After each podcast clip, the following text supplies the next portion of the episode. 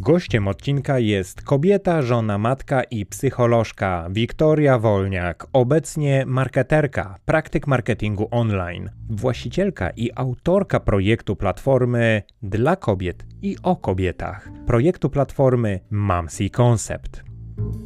W podcaście usłyszycie m.in. o tym, jak stworzyć miejsce powstania rzetelnych opinii o produkcie, co psycholog ma wspólnego z e-commerce? Skąd brać pieniądze na to wszystko? Dlaczego mikrospołeczność ma sens? Dlaczego zdrowie psychiczne i fizyczne konsumentki jest ważniejsze niż sama sprzedaż w sklepie internetowym?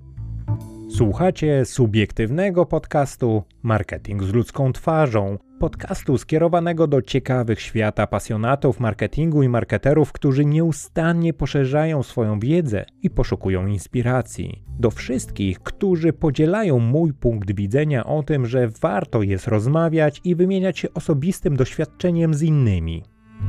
Zapraszam do wspólnego spędzenia czasu i wysłuchania odcinka zatytułowanego Społeczność kobiet online, zwykły e-commerce już nie wystarcza. Ja nazywam się Andrzej Wierzchoń, a moim gościem jest Wiktoria Wolniak, właścicielka i autorka projektu platformy o kobietach i dla kobiet, platformy Mamsi Concept. Posłuchajcie naszej rozmowy. Przede wszystkim chciałbym Ci podziękować za to, że odwiedziłaś mnie w moim podcaście Marketing z ludzką twarzą, bo spotkaliśmy się całkiem niedawno i celowo Cię nie przedstawiam, bo chciałbym, żebyś sama się przedstawiła i powiedziała, czym się zajmujesz. Ojej, to dałeś mi spore wyzwanie. E, ja mam na imię Wiktoria Wolniak, jestem założycielką marki i tak naprawdę przestrzeni wsparcia dla kobiet Mamzi Concept.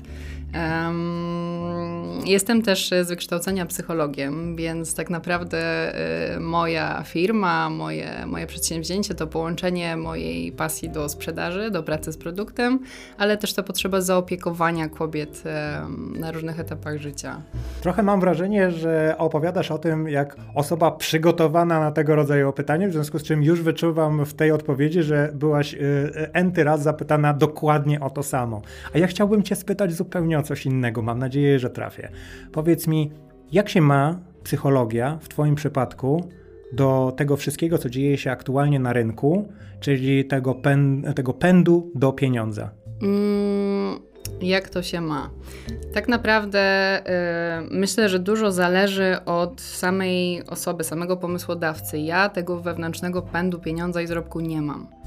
Ergo mój biznes, moje przedsięwzięcie też gdzieś nie, nie goni za tym pieniądzem. Nie, ja nie patrzę na wykresy, nie patrzę na to, ile zamówień wpada pod kątem tego, um, ile aktualnie zarobiłam. Bardziej zawsze się śmieję, że ja to na pieluchy potrzebuję i na coś do, do jedzenia. Um, a tak naprawdę satysfakcja, jak wpadają te zamówienia, czuję. Um, czuję, że, że mogłam kogoś zaopiekować, że mogłam kobietę wesprzeć, że mogłam dać jej fajny produkt, który sama sprawdziłam, przetestowałam, który, w który sama zainwestowałam swój czas i miłość i, i który pokochałam. Um, I pytałeś też o to połączenie psychologii, że to takie. No właśnie, bo to połączenie psychologii jest takie, że bardziej psychologa ja odbieram jako osobę, która jest e, z powołania. Mhm. Bo to jest potrzeba wewnętrzna, konieczność, e, powiedzmy sobie, uzewnętrznienia tej potrzeby. W związku z czym teraz ty opowiadasz o tym, że robisz projekt, na który mimo wszystko coś tam się zarabia, mhm. ale ty chyba bardziej chcesz zbudować community. Nie chcę wyprzedzać tego, bo mm -hmm. nie chcę w twoje usta wkładać e, słów, które e, może są dalekie od twojego mm -hmm. konkretnego zamysłu, ale jak to wygląda w kontekście budowania community, które ma być wiarygodne, i dlaczego ma być wiarygodne? Mm, przede wszystkim ma być wiarygodne, ponieważ ja nie chcę nikogo zmuszać do tego, mm, żeby korzystał z przestrzeni wsparcia, y, będąc moim klientem. Jakby to są dwie niezależne trochę jednostki, dwa niezależne byty, że ty możesz u mnie coś kupić i otrzymać wsparcie i, i, jakoś jak jest ci trudno, zawsze możesz napisać, ale też y, absolutnie nie musisz tego łączyć. I tak naprawdę to wpadło do mnie na Dziś na początku mojej drogi macierzyńskiej, kiedy ja bardzo dużo robiłam zakupów dla siebie, dla mojego syna, um, dla, no, no, tak naprawdę dla mojego domostwa, które gdzieś tam tworzyłam jako, jako świeżo upieczona mama. I miałam takie poczucie, że ja sama wtedy bardzo dużo wsparcia potrzebowałam. Ja go um, trochę też właśnie na zewnątrz I sklep to jest coś, gdzie ja spędzałam internetowy, to jest przestrzeń, w której ja spędzałam strasznie dużo czasu. Czyli jako research. Jako research, jako po prostu miejsce, w którym gdzieś tam się zatracałam. Karmiłam piersią, miałam telefon w ręku, tak, i od razu gdzieś wchodziłam, coś sprawdzałam i stwierdziłam, Czym to było wywołane? Powiedz, bo to mnie bardzo interesuje. Mm. Wiesz co, bo wiele kobiet jak gdyby doświadcza dokładnie tego mm -hmm. samego. Teraz to się bodajże nazywa mindless, e, na zasadzie, że niby się jest tu i teraz, tak. ale w rzeczywistością głową się jest gdzie indziej. Mm -hmm. I, I jak to w Twoim przypadku wyglądało, jako Ty, osoba wykształcona i świadomie mogąca zwerbalizować to, co się z Tobą wtedy działo, -hmm. to dlaczego tak się akurat dzieje? Mm, wiesz co, tak naprawdę jak jest nam trudno, jak występują stresory i po prostu pojawia się, no właśnie, jakiś obszar cierpienia, niezależnie czy jesteś psychologiem, psychoterapeutą, lekarzem, psychiatrą, czy masz doświadczenie w pracy pomocowej, wsparciowej, po prostu no, potrafisz gdzieś mieć trudność się zagubić jak człowiek. I to, że ja potrafię sobie wszystko nazwać, opisać, określić, nie znaczy, że ja umiem sama sobie pomóc, bo ja jestem bardzo subiektywna w swoją stronę. Dlatego czasem, no właśnie, no ten y, po prostu nie wiem, to scrollowanie, czy właśnie siedzenie w tym telefonie gdzieś cię odłącza od właśnie tu i teraz, od tej obecności przy tym dziecku, które, no kurczę, no czasem zasypia na 2-3 godziny przy twojej piersi. Ty się nie możesz ruszyć, no bo nie wiem, dziecko się obudzi. No i co tutaj zrobić? Ja zawsze jak myślę o tym, to widzę taki mem, jak mama ma ululanego dzidziusia na rękach i, i gdzieś tam ręką czy nogą próbuje sięgnąć do tego telefonu, który trochę za daleko zostawiła, żeby tylko właśnie poskrolować. Czy, nie wiem, popatrzeć na Instagramie, czy coś nowego dla dziecka kupić, czy do apteki, nie wiem, coś może internetowej, coś znaleźć dla dziecka siebie. I ja to robiłam właśnie, żeby się odłączyć od siebie, od tu i teraz, od tego, że gdzieś było mi trudno. Mm, I miałam taki właśnie moment olśnienia, wracając do, do tego, jak ja to połączyłam kurczę, gdyby połączyć tak bezpieczną przestrzeń, jaką są zakupy, tak znaną przestrzeń dla kobiet, tak 70% kobiet robi zakupy w internecie przez internet, a gdyby to połączyć, gdyby takiej kobiecie, która tak jak ja siedzi i skroluje i kupuje, powiedzieć: Słuchaj, jesteśmy tutaj też dla ciebie, jeśli jest ci trudno, wesprzemy cię, jakby otulimy cię i nie jesteś sama i wtedy to był koncept tylko dla kobiet okołoporodowo, bo ja wtedy sama byłam po prostu obrandowana jako mama, e, potrzebowałam wsparcia okołoporodowego, ale z czasem, jak ta droga macierzyńska zaczęła przebiegać, weszłam w drogę swojej kobiecości. Każda kobieta ma inaczej. Dla mnie to była moja droga przez kobiecość. Miałam takie, kurczę, zapytałam dziewczyn w moim gronie, mówię, czy to jest uniwersalne, czy to tylko mi się wydaje, że to jest takie uniwersalne dla nas wszystkich, dla kobiet? Że ogólnie kobiety są tak trochę niedoopiekowane w pewnym sensie. Mówią, tak, tak jest. No więc stwierdziłam, kurczę, może nie zatrzymać się tylko na mamach, tylko na tym temacie okołoporodowym, tylko wziąć to jeszcze troszeczkę wyżej i skupić się na kobietach i kobiecości tak ogólnie.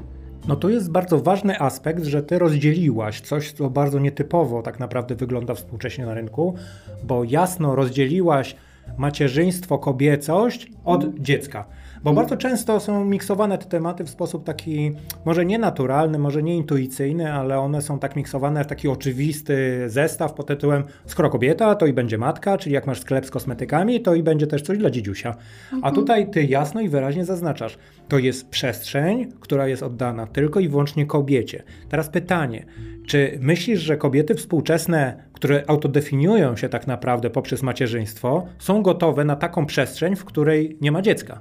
Mm, myślę, że właśnie to będę badać i sprawdzać. Myślę, że ja po roku, po dwóch latach prowadzenia mojego przedsięwzięcia, dopiero jakby moim największym zasobem będzie obserwacja tego, czy faktycznie kobiety będą w stanie gdzieś pomyśleć o sobie i siebie postawić na pierwszym miejscu. To będzie trudne, bo wiele badań z zakresu marketingu i tak dalej pokazuje, że kobieta od gdzieś mniej więcej połowy ciąży dziecko stawia na pierwszym miejscu i przez te pierwsze lata macierzyństwa, ale tak naprawdę rozwój i samoświadomość może nie w dużym stopniu, ale to cały czas idzie do przodu. Ta samoświadomość kobiety, jej potrzeb, jej, no właśnie, nie wiem, aktualnych uczuć, emocji, to wszystko idzie w dobrym kierunku i mam poczucie, że teraz kobiety troszeczkę bardziej chcą być uważnione. Może wciąż nie chcą stawiać się na pierwszym miejscu, tak jak ja chcę to zrobić dla Nick Manzi, ale coraz bardziej, coraz bardziej i chcę, że jeśli to się stanie kiedyś, prędzej czy później, że one będą miały takie, kurde, dobra, postawię siebie chociaż na ten moment, na te zakupy, czy na to, na to żeby napisać o wsparcie,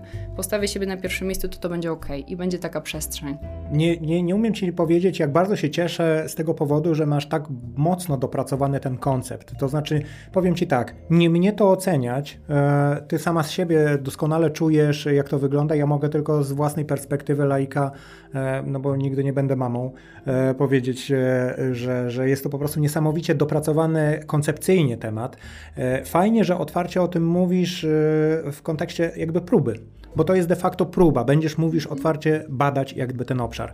Ale teraz pytanie, w jaki sposób komunikować tego rodzaju obszar? No bo jeżeli będziesz mówiła wprost, że to jest dla kobiet, to z całym szacunkiem, ale takich projektów jest cała masa, które są mhm. dla kobiet. Jeżeli nie mówisz zaraz, zaraz, to nie jest dla dziecka, no to mamy mówią, no tak, pewnie to jest dla jakichś e, influencerek albo jakichś trendseterek, e, na pewno nie jest dla mnie. A teraz, jak to, jak to powiedzieć? Jak skomunikować, że jest to przestrzeń bezpieczna, w której nic się nie czeka poza tylko tym, że zostaniesz, tak jak sama to nazywasz, przytulona? Mm, tak naprawdę cały czas szukam swojej drogi komunikacji. Ja stwierdziłam, jak zaczynałam Mamzi, ja nie zaczęłam od sklepu, nie zaczęłam od y, tej części sprzedażowej. Ja zaczęłam od social mediów w tym sensie, że po prostu chciałam pokazać siebie i dać siebie poznać, żeby tak naprawdę kobieta poznała mnie, no to ja stoję za Mamzi, Mamzi to ja i ja to Mamzi. Więc e, chciałam pokazać siebie tak po prostu nago. Czyli najpierw to było doświadczenie, które ty zebrałaś w kontekście komunikowania obszaru, w którym chcesz się zająć teraz w Mamzi. Mhm. Rozumiem. To jak teraz powiedz mi to wszystko pogodzić? Czyli z jednej strony, bo znamy się y, też na sferze, w sferze biznesowej, mhm. znamy się w sferze biznesowej, w związku z czym mogę powiedzieć wprost, że jak gdyby ten obszar nie jest nam obcy obojgu i wiem doskonale, że chcesz też testować produkty, chcesz być opiniotwórcza, mhm. ale z drugiej strony chcesz też sprzedawać. I teraz pytanie, czy uważasz, że w tym przypadku jesteś w stanie rekomendować niezależnie produkt, mając coś na platformie i czerpiąc z tego zyski? Nie wiem, jeszcze nie wiem. Tak naprawdę to jest, ja się cały czas tego uczę. Ja po co w ogóle to testowanie, tak jak mówię, ja to mam, że ja nie sprzedam czegoś, czego nie kocham, w czym ja sama absolutnie się nie zakochałam. Ewentualnie, tak, wiadomo, jestem tylko jednostką w całym morzu innych kobiet, które mają inne potrzeby niż ja. Dlatego mam właśnie swoją grupę fokusową, która pomaga mi badać, sprawdza, testuje razem ze mną, tak? Te, te, dziewczyny są bardzo różne, w bardzo dużym przedziale wiekowym. To są od moich najlepszych przyjaciółek, po moją rodzinę, po ciocie i obce kobiety kompletnie, więc tak naprawdę e, ta grupa fokusowa była trochę po to, żeby też um, bias, żeby tego nie obciążyć takim ryzykiem, że to będzie bardzo subiektywne i, i tylko dla mnie, o mnie i, i, i z mojej potrzeby. I właśnie stąd było to stworzenie grupy fokusowej. To trochę wyciągnęłam ze studiów psychologicznych, bo tak naprawdę przy badaniach, przy eksperymentach, no, no tworzy się te grupy, tak? Badawcze, grupy eksperymentalne. I w sumie nawet nie, nigdy nie sprawdzałam, czym jest taka grupa fokusowa. Ja po prostu wiedziałam, że coś takiego chciałabym zrobić i coś takiego w tym kierunku, trochę tak jak w psychologii się robi, sprawdzić. Um, i właśnie, właśnie po to stworzyłam te grupy fokusowe. Chyba właściwie można powiedzieć w ten sposób, że zaryzykowałaś, bo warto.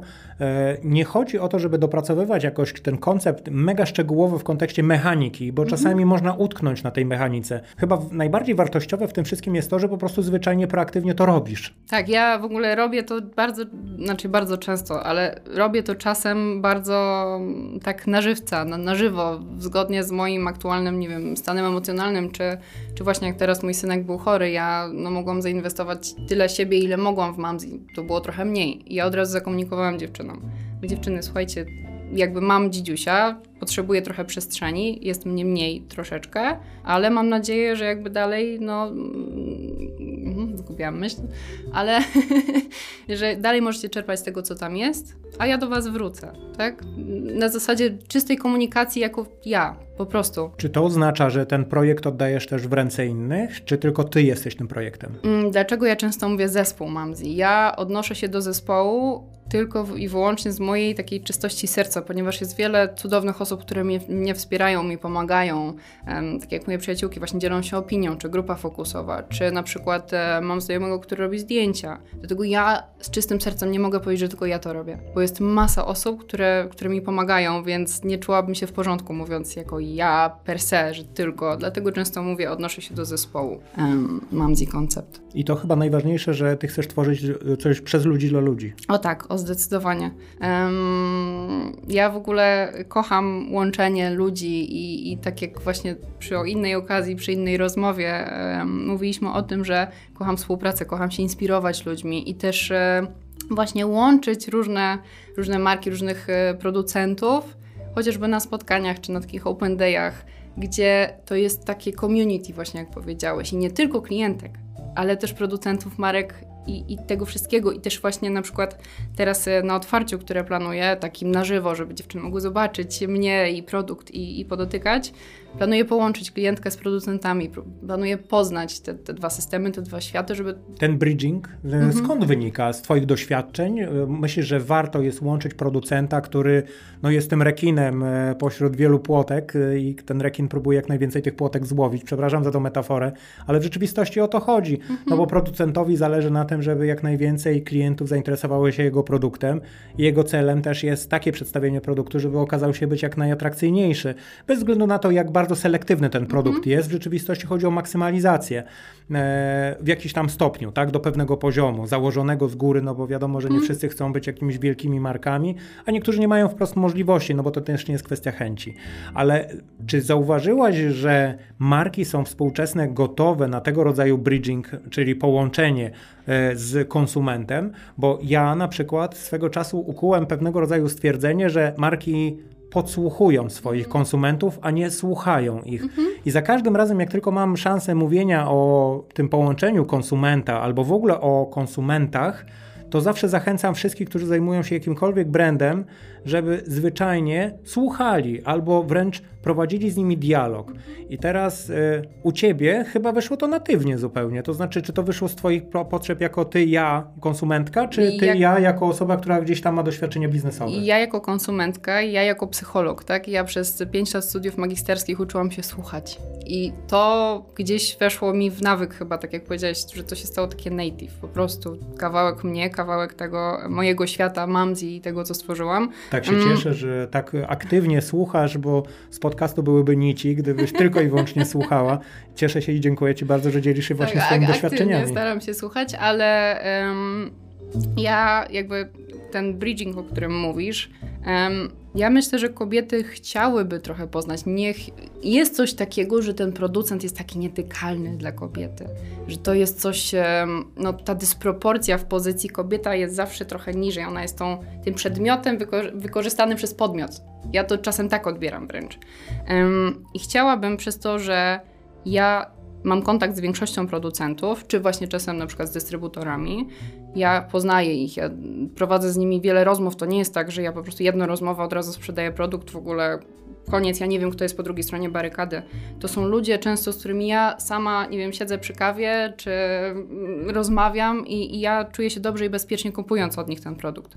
Um, więc myślę, że klientka po pierwsze ma swoją wolną wolę ona może poznać producenta i stwierdzić, nie ja, nie, ja nie chcę być wykorzystany, ja nie chcę tutaj kupować tego produktu. Pardon my French, ale z e, mojej perspektywy e, osoby, która siedziała po różnych stronach tej lady, e, chciałbym się spytać Ciebie o coś takiego. Jak wygląda przede wszystkim Twoja obserwacja w kontekście relacji?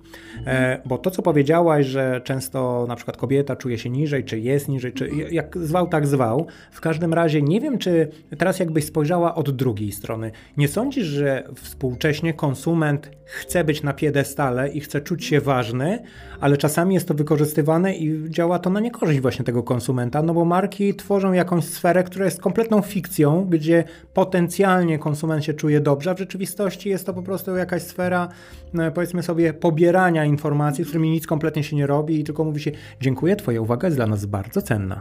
Tak i um, ja nieraz sama się z tym spotkałam, gdzie właśnie to takie uważnienie klienta było tylko marketingowym celem do, do właśnie większych zarobków I mi to też bardzo często nie odpowiadało, dlatego staram się mieć jak najbardziej otwartą i szczerą komunikację i mówić o pewnych rzeczach, właśnie. Mówić um, o tym, że nie, nie, nie, wiem, nie wiem troszeczkę jak to opisać, ale ja wiem, gdzie są moje intencje, i dopóki jestem świadoma tego, że robię wszystko zgodnie ze swoją intencją, robię to otwarcie, szczerze i autentycznie najbardziej jak potrafię, bo wiadomo, każdy zakłada jakieś swoje maski i, i każdy gdzieś stara się być trochę lepszą wersją siebie, zależnie od okazji, ale ja wiem, że moje intencje są dobre. To jak byś teraz powiedziała do tych, którzy są w przyszłości na Twojej drodze?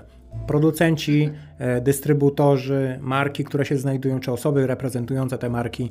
Czego byś sobie życzyła? Jak byś widziała takie osoby, które z Tobą później rozmawiają, żeby mogły pasować do Twojego konceptu przytulania po, kobiet w potrzebie, ale i pomocy im po prostu zwyczajnie, bo to przy, przytulanie jest dość infantylne, natomiast w rzeczywistości chodzi o realną pomoc. Ja myślę, że um, ja jako osoba po tej drugiej stronie stołu potrzebowałabym przede wszystkim takiej otwartości w komunikacji, właśnie takiej szczerości, um, nie przedstawienia cyferek i po prostu właśnie przedmiotowego jakiegoś patrzenia na, na temat, tylko skupienia się na podmiocie, którym jest kobieta, czyli właśnie no, na człowieku, na, na, na tym, na faktycznych, realnych potrzebach, bo tak, potrzeb można się wyuczyć. Potrzeby można zbadać, można podać cyferki, jakie kobiety dokładnie mają, nie wiem, dzisiaj potrzeby, co jest najbardziej trendującym hasłem w Google gdziekolwiek, tak, to wszystko można zbadać, ale um, tak jak rozmawialiśmy chwilę wcześniej, że to można po prostu numerki opowiedzieć o tym, i nie mieć nic więcej do powiedzenia, ale jeśli rozmawiasz z kimś, twoja intuicja mówi tak, ten ktoś wie o czym mówi, ten ktoś to czuje i, i ten ktoś jakoś tak mówi szczerze i ma przynajmniej w moim jakimś poczuciu serce w dobrym miejscu, to gdzieś ja nabieram takiego spokoju wewnętrznego. Ja często jak rozmawiam z markami czy producentami, jeszcze zanim w ogóle przetestuję jakiś produkt, ja mówię, słuchaj, wiesz co, ja ci po prostu ufam, ja ciebie słucham i ci ufam, bo ty mi mówisz, znaczy te, znowu, subiektywne, moje czuję, że mówisz szczerze pewne rzeczy. Ja też właśnie lubię, jak mi Marka powie, słuchaj, tu nie jesteśmy idealni, tutaj trochę, nie wiem, coś nas boli, gdzieś mamy swoją piętę achillesową, bo ja, dla mnie wtedy to jest autentyczna marka. Dla mnie to jest autentyczna osoba, która tworzy tą markę. Dlatego większość marek, które są u mnie, to są małe marki. Um, tak, czasem faktycznie pracuję z dystrybutorami, ale te osoby, które są przedstawicielami tych dystrybucji, tych marek z zagranicy, no też są ludzie i też jakoś tak e, budujemy to wzajemne zaufanie, tak? Ja bardzo dużo skupiam się na swojej intuicji, na tym, co ja czuję. W tym, co opowiadasz, jest bardzo wiele takiej pozytywnej energii, wiesz? E, I przyznam szczerze, że bardzo bym chciał, żeby słuchacze tego podcastu odczuli dokładnie to, co, co, czego ja mogę doświadczyć w rozmowie z Tobą, bo e, najważniejsza jest właśnie ta intencja porozumienia. I tuż przed włączeniem nagrywania w tym podcaście właśnie o tym rozmawialiśmy, że kluczem jest potrzeba komunikacji, ale potrzeba też potrzeba porozumienia. W związku z czym e, fajnie, że niektóre marki mają taką potrzebę, fajnie, że niektóre firmy mają potrzebę porozumienia i zrozumienia, a nie tylko monetyzacji odpowiedniej i skupienia się na powiedzmy sobie tym walorze e, biznesowym, pozostawiając gdzieś konsumenta w tle, bo wychodzenie z założenia w dzisiejszych czasach, że wszystko da się sprzedać, co nie jest e, niezgodne z prawdą, wręcz bym się pod tym mógł podpisać, że faktycznie wszystko praktycznie jesteś w stanie sprzedać, to o tyle kluczowym jest chyba zwrócenie uwagi, że to te właściwe osoby mają się zwrócić ku mnie i mam być dla nich atrakcyjny w kontekście prawdy. Tak, ja, ja też w ogóle jak sobie myślę o klientce, o, o kobiecie, która jest po drugiej stronie, że tak powiem, laptopa czy telefonu i, i mojego sklepu, e, to myślę sobie, że ja chciałabym, kiedy ona zamawia, nie wiem, produkty, produkt, żeby ona otwierając go nie miała poczucia, Jezus Maria, kurde, no nie, kolejny, znowu, znowu coś kupiłam. Ja czuję, nie wiem, wyrzuty sumienia, nie czuję się dobrze z tym zakupem. Tak jest bardzo często. Ja sama wiele razy otwierałam zakupy i miałam w sobie poczucie, co ja najlepszego zrobiłam, tak? Ja bym chciała, dlatego tak bardzo staram się to wszystko opisywać, pokazywać, o tym mówić, żeby kobieta mogła coś zamówić nie w takim pędzie zakupowym czy czym, czy... Sugerujesz, że w Twoim sklepie nie będzie kup teraz, tylko będzie kup później? Jest też wiele opcji na zamówienie, na indywidualną wysyłkę. Ja na przykład Mam firmę Torebę, której jeszcze nie przedstawiłam, gdzie produkty są tylko na zamówienie, więc ta klientka nieraz będzie musiała poczekać dwa tygodnie. Więc myślę, że ona realnie musi chcieć ten produkt gdzieś tam, tak mi się wydaje, żeby być w stanie tyle poczekać. Bo na przykład ta firma, ona produkuje na zamówienie. Nie, nie ma już gotowego, nie wiem, asortymentu 500 sztuk. Ja wysyłam zamówienie, oni dopiero szyją torebkę. Ja wiem, że to, co mówię, może nie brzmi tak... Um, trochę marketingowo poprawnie, bo teraz mówi się, jeśli chcesz dobrze sprzedawać, to musisz w ogóle mieć szybki koszyk, w ogóle przejście, klikasz produkt, od razu jesteś w koszyku i koniec zakupów. Niesamowicie ważne jest to, co mówisz w moim odbiorze jako marketera z no, trochę długim doświadczeniem, ale to nie chodzi o bałwochwalstwo, tylko podkreślanie jakichś swoich zasług, tylko z tej perspektywy N lat e, pracy to wiesz co, mogę się pod tym podpisać co do kropki, w kontekście tego, że nie ma złotych wzorów matematycznych dotyczących tego, jak tam y, przez ile milisekund klient musi to lub tamto. Pytanie, czy Twój konsument w ogóle jest zainteresowany tym, żeby w milisekundach kupować? Jeżeli jest ktoś taki, to super, to gratuluję w takim razie, bo to można w jakikolwiek sposób zamienić w modele matematyczne i na pewno to w jakiś cudowny sposób uśrednić, wyliczyć najlepszą ścieżkę e, prawdopodobieństwa zakupu i tak dalej, i tak. Pytanie, czy o to tak naprawdę chodzi w tym wszystkim? Mając na uwadze, jak gdyby te kanały, które współcześnie proponują nam mega krótki e, czas zakupu, albo wręcz dowożą na telefon w ciągu godziny cokolwiek tylko sobie możemy zamarzyć. Oczywiście koloryzuję w tej chwili na potrzeby tej rozmowy, ale załóżmy, że to e, jakoś tam mniej więcej ma miejsce. To pytanie, czy ty jakby chcesz być taka? Ja bym na przykład nie chciał być taki już w tej chwili i chciałbym dostarczać e, coś bardzo może nie y, intymnego w kontekście komunikacji, ale to jest pewnego rodzaju odpowiedzialność, właśnie ta intymność w kontekście kontaktu z konsumentem. To, co ja piszę, czyjeś oczy czytają. To, co ja proponuję e, i coś dostarczam, czyjeś ręce otwierają i później stosują. W związku z czym ta odpowiedzialność jest po jednej stronie, ale z drugiej strony chciałbym bardzo sobie życzyć tego, żeby i konsument nie tyle czuł odpowiedzialność, ale czuł wagę tego, że mnie zależy na tej bardzo ważnej opinii i chciałbym, żeby ta opinia to było coś, czemu ktoś poświęcił te minimum czasu, a nie zdawkowo potraktował, dlatego że inni tak go wyhodowali. Bo przepraszam za to określenie, ale uważam, że część konsumentów jest hodowana, gdzie pushing związany z mailingiem, wciąż czekamy na Twoją opinię, wciąż nie zostawiłeś swojej opinii na jakiś tam produkt. Może nie chciałeś, może nie chcesz, ale konsument też nie czuje, że kurczę, kupiłem jakiś produkt, warto byłoby się podzielić tą opinią, bo w zasadzie to pomagam komuś innemu, albo potknąłem się, albo na przykład zmieniło to moje życie. Ja powiem Ci, że jak Ciebie słucham, ja myślę, że fajnie znaleźć w tym wszystkim balans. I pytanie, jakby ja gdzieś tam swój balans próbuję znaleźć, bo oczywiście ja nie chcę utrudniać drogi do koszyka. Bardzo często mamy bardzo mało też czasu na takie zakupy, czy właśnie nie wiem, dziecko nas ciągnie za rękaw i musisz szybko kliknąć kup, bo, um, bo nie zdążysz inaczej ale też y, właśnie tak jak mówiłam, wiele produ produktów jest na zamówienie, czy w terminie realizacji na jakimś troszeczkę dłuższym niż taki standardowy, gdzie często jest napisany jeden dzień, nie wiem, 12 godzin i wyślemy do Ciebie produkt. Jest bardzo daleko do czegoś takiego, bo no to odbiera tą relację, a relacja jest tutaj trochę takim właśnie clue całego mojego przedsięwzięcia. Ustaliliśmy, że różnimy się pokoleniami. E, tak, to już ustaliliśmy, tak. na szczęście. Mnie wypada e, absolutnie chylić czoła w kontekście tego, że e, no po prostu robisz niesamowitą rzecz. Natomiast z drugiej strony chciałbym od Ciebie usłyszeć, Jakie bariery tak naprawdę są przed tobą? Bo na pewno słuchacze e, będą ciekawi, bo mhm. na pewno finansowe i tak dalej, wszyscy borykają się z tym samym. Mhm. Ale co mentalnie w tobie blokowało cię, żeby nie zrobić tego wcześniej, później, mhm. teraz? Bo to nie chodzi o imperatyw, tylko właśnie te bariery, które trzeba przebić. Oj tak, tych barier codziennie natykam się na kilka. E, nie, nie będę ukrywała, jakby, ponieważ buduję większość rzeczy sama poza osobi- oczywiście wspaniałymi osobami, które mnie w tym wszystkim wspierają, to się opiera na moim kręgosłupie. Mój kręgosłup czasem jest idealny, prosty jak struna i w ogóle śmiga i, i jest wspaniały, a czasem no, nie domaga. I czasem właśnie musi zalec w łóżku, czasem musi, ma gorszy dzień, pełny smutku, nie wiem, um, uczucia złości.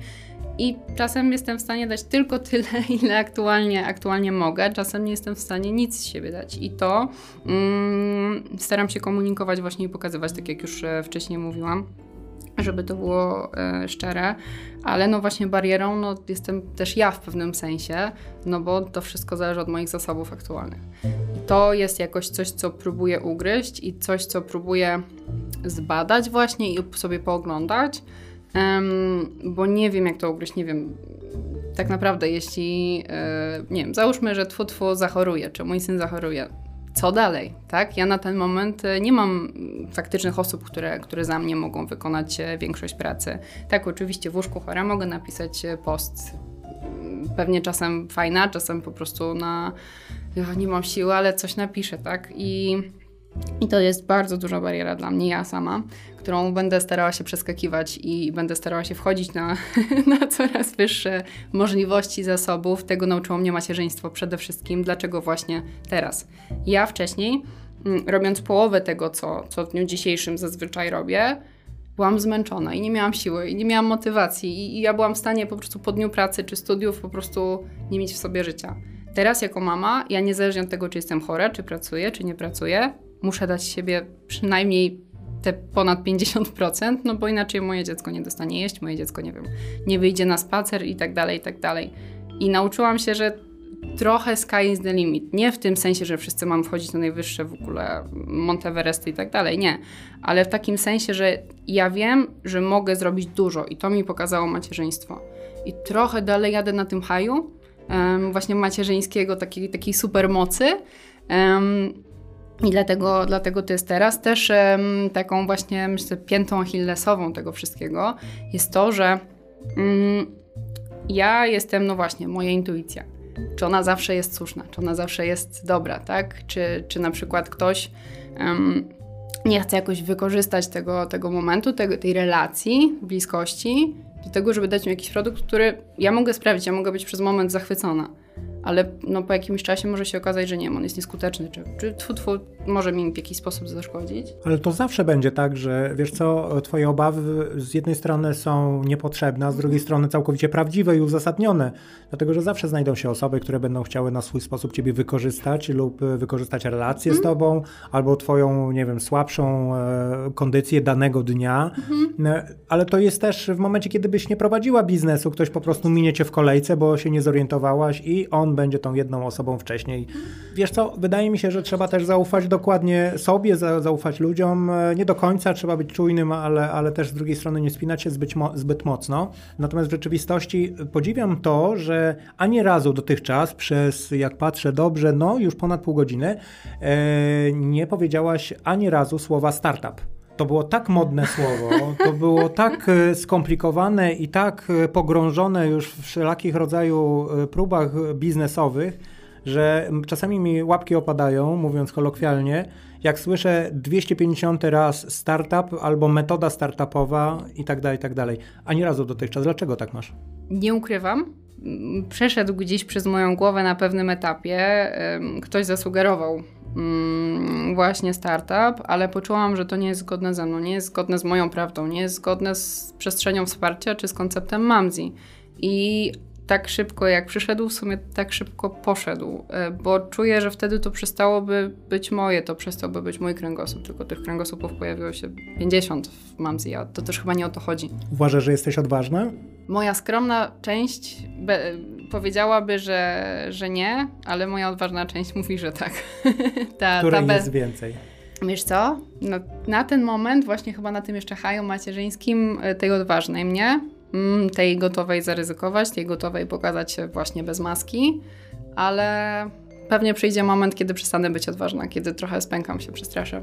A co byś powiedziała tym wszystkim, którzy w tej chwili słuchają ciebie i mówią, e, na pewno ma bogatego męża, albo na pewno miała poukładane już wszystko i teraz po prostu chce zrobić coś swojego? Mm, ja tak naprawdę do momentu wydania pierwszej złotówki cały czas e, zastanawiałam się, jak każdy wydatek po prostu przemyślę myślę nad każdym wydatkiem po trzy dni, bo ja nie umiem nie umiem po prostu wydać pieniądza tak o, więc, e, więc e, nie, nie mam męża multimiliardera czy, czy jakichś po prostu ogromnych zasobów finansowych. Ja pracuję na siebie tak naprawdę od 18 roku życia. Miałam pracę i jak miałam 17 lat, ale nielegalnie, więc nie wiem, czy mogę się tym dzielić, ale ja pracuję na siebie od 18 roku życia, mimo tego, że naprawdę mam dobre warunki w domu i będę całe życie wdzięczna za to. To wszystko jest finansowane przez moją rodzinę, mojego męża, mnie.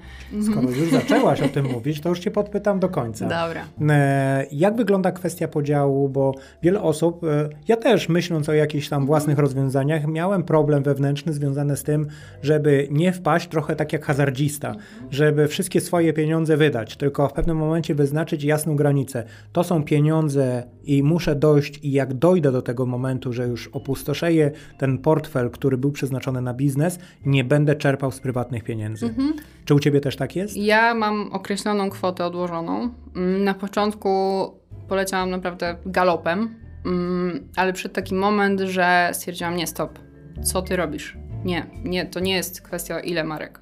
To jest kwestia tego, jakie ty masz w tym momencie właśnie zasoby, czy też właśnie finansowe.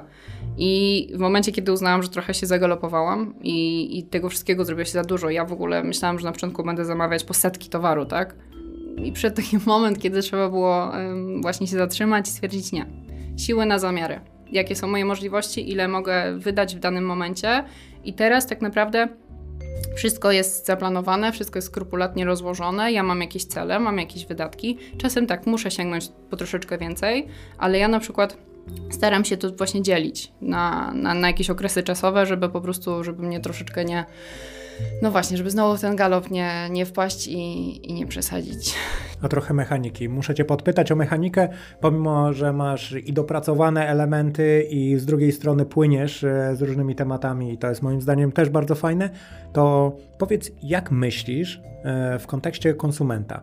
No bo jest hype, jeżeli chodzi o zbieranie jakichkolwiek danych. I nie mówię tutaj o mhm. sławetnym big data, czy jakikolwiek innym podejściu dotyczącym tego, żeby gromadzić te nieszczęsne dane i później nic z nimi nie robić.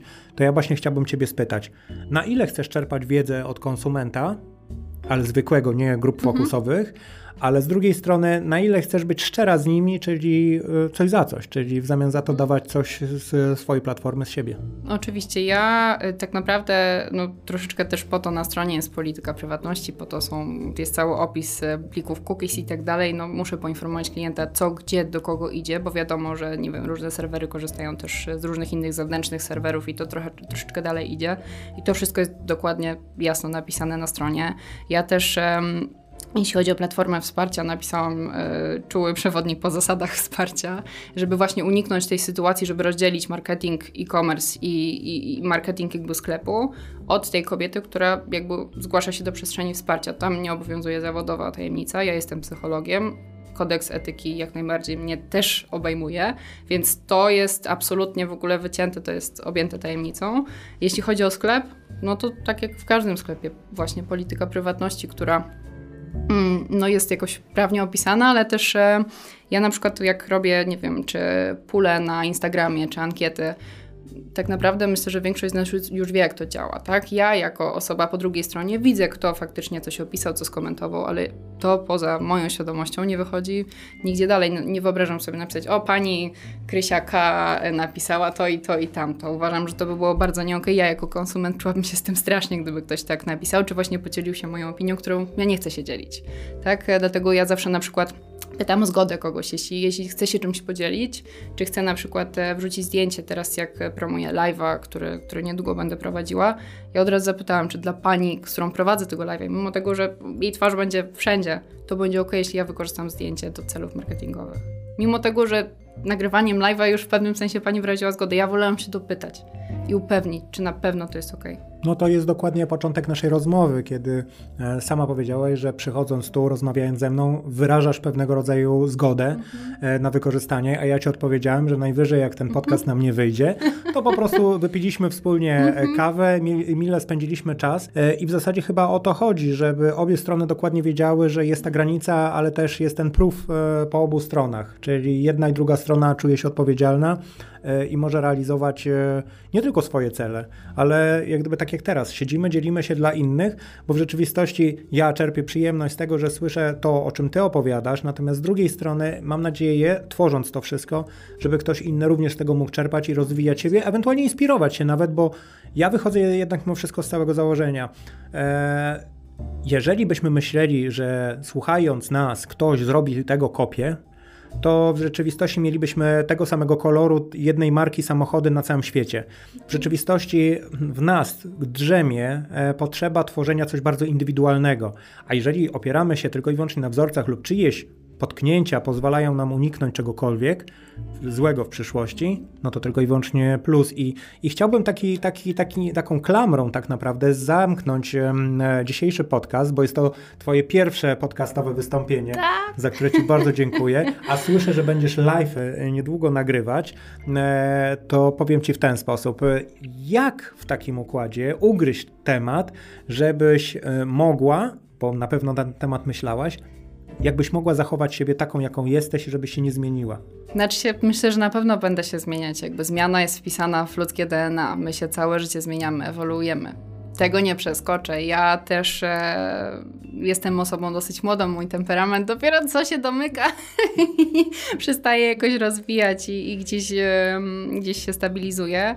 Ale mam nadzieję, że zbudowałam taką sieć wspaniałych ludzi wokół siebie. Ja też mojemu mężowi od samego początku e, powtarzam, kochanie, jeśli gdzieś uznasz, że ja się właśnie zapędziłam, gdzieś przestałam robić to, co ja czuję zgodnie z moim sercem, proszę powiedz mi o tym. Nieważne jak mnie to będzie bolało, powiedz mi o tym, proszę. Więc troszeczkę zdałam tą odpowiedzialność e, na bliskie mi osoby, bo mm, myślę, że tylko one, oczywiście bardzo subiektywnie, ale wciąż troszeczkę bardziej obiektywnie niż ja, będą w stanie powiedzieć: Wiktoria, zatrzymaj się, to, to nie jesteś ty. To, to nie jest zgodne z tobą, nie jest zgodne z twoją początkową wizją. Jeśli zdarzy się taki moment, że gdzieś polecę i gdzieś właśnie troszeczkę zgubię to, to mam nadzieję, że znajdzie się taka życzliwa, wspaniała osoba, jak mój mąż, czy moje, moje przyjaciółki, moi przyjaciele, którzy powiedzą Wiktoria stop. I byłabym wdzięczna, gdyby tak było, jeśli tak się stanie. To oby tak się stało, a użyłaś w międzyczasie dwóch słów, e, które są kluczowe do tego ostatniego elementu w każdym moim podcaście. Nie wiem, czy słuchałaś, czy nie słuchałaś, ale na, na koniec każdego mojego podcastu zadaję jedno zasadnicze pytanie. Chciałbym, żebyś poleciała wyobraźni i wyobraziła sobie pewnego rodzaju sytuację, która ma miejsce tu na Ziemi. Budujesz satelitę. Na tym satelicie masz napisać coś, co zachęci cywilizację, która napotka tego satelitę gdzieś w przestrzeni kosmicznej i zachęcisz tę cywilizację do odwiedzenia nas tutaj na Ziemi. Co byś napisała im? Wow, to jest jedno z najtrudniejszych, zarazem najciekawszych pytań, jakie chyba słyszałam przez bardzo, bardzo długi czas. Co ja bym powiedziała innym cywilizacjom, żeby, żeby przyleciały, żeby je zachęcić do nas? Trochę taki temat z marketingu. Jak zachęcić? Słuchajcie, nie dowiecie się, póki nie przylecicie, nie sprawdzicie. Nie wiem, nie, nie mam pojęcia, co bym im powiedziała. Czyli przylećcie, sprawdźcie, upewnijcie się sami. Tak, upewnijcie się sami, pogadajcie z nami, bo otwórzcie się na relacje i wtedy zobaczycie i będziecie wiedzieli, czy chcecie tu być, czy nie, tak? Jeśli, jeśli macie taką potrzebę, ochotę, czas i przestrzeń, żeby do nas przylecieć, bo też może tak nie być. Bardzo Ci dziękuję. Bardzo Ci dziękuję za poświęcony czas. Dziękuję Ci za wszystkie uwagi, komentarze. Bardzo Ci za to dziękuję. Ja również dziękuję. Dziękuję Tobie za zaproszenie. E, bardzo miło mi było nagrywać mój pierwszy podcast w życiu i podzielić się moim konceptem z Twoimi słuchaczami. Bardzo Ci dziękuję i do usłyszenia i do zobaczenia. do usłyszenia. Wysłuchaliście przed chwilą podcastu Marketing z ludzką twarzą. Odcinka zatytułowanego Społeczność kobiet online. Zwykły e-commerce już nie wystarcza. Za mikrofonem jak zwykle Andrzej Wierzchoń, a gościem odcinka była Wiktoria Wolniak, która sama siebie definiuje jako kobieta, żona, matka i psycholożka. Dla mnie marketing to dialog, dlatego zachęcam Was jak zwykle do bezpośredniego kontaktu ze mną. Jeśli macie jakiekolwiek pytania, uwagi, komentarze, możecie mnie znaleźć na LinkedInie. Wystarczy, że u góry strony w wyszukiwarkę wpiszecie Andrzej Wierzchon. Możecie również pisać maile bezpośrednio pod mój adres andrzej.wierzchon.gmail.com Podcast ma oficjalne profile na Instagramie, Facebooku oraz Telegramie. Na Instagramie znajdziecie mnie wpisując Marketing Podcast podkreślenie.pl na Facebooku i Telegramie pod hasłem Marketing z ludzką twarzą. Szczegóły i linki jak zawsze umieszczam w opisie tego podcastu. Na koniec nie obędzie się bez mojej zachęty do subskrypcji podcastu i wysłuchania poprzednich oraz kolejnych odcinków. Jeśli Wam się spodobały, dzielcie się informacją i linkami ze swoimi znajomymi. Będzie mi bardzo miło móc dzięki Wam dotrzeć do nowych słuchaczy. Odcinek dobiegł już końca. Dziękuję za wspólnie spędzony czas i do usłyszenia w kolejnych odcinkach podcastu Marketing z ludzką twarzą, subiektywnego podcastu o marketingu, rynku, strategii i konsumentach.